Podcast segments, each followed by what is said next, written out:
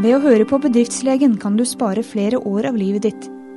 Velkommen til tidsskriftets podkast for nummer 1 2012.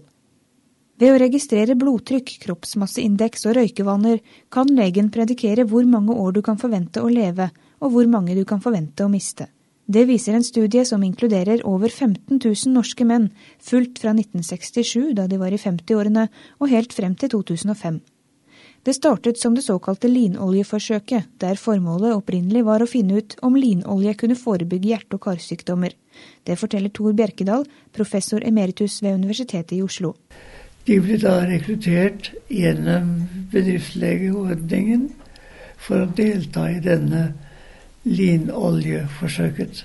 Linoljen inneholder da en linolensyre som er flerumettet, og som ville være gunstig for dette forsøket. Et år var det meningen de skulle ha den oljen. Linolje viste seg å ikke ha den forventede effekten. Grunnlaget var likevel lagt for videre studier. Materialet var jo der.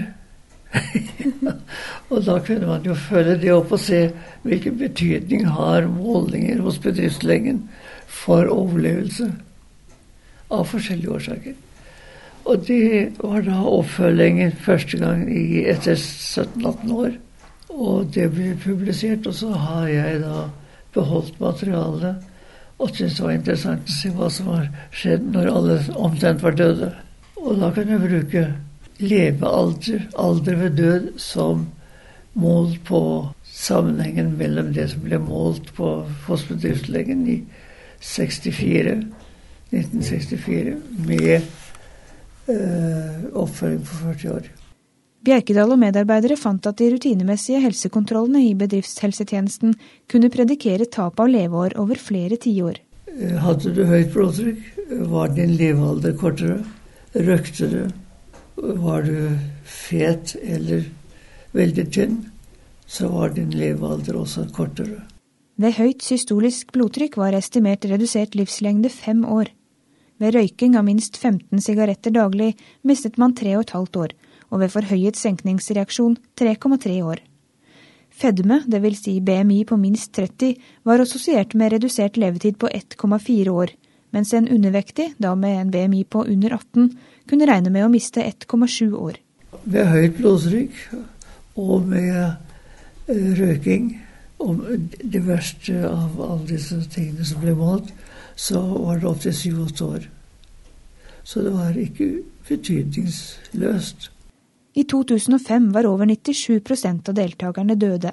Gjennomsnittlig dødsalder var 76,6 år, men de friskeste levde lenger. For disse som var friske i 64-65 og var i alderen 50-59, de kunne vente å leve uh, Gjennomsnittet for disse er 80 år.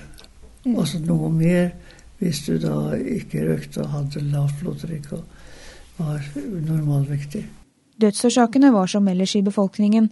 Halvparten døde av hjerte- og karsykdommer og 25% av kreft.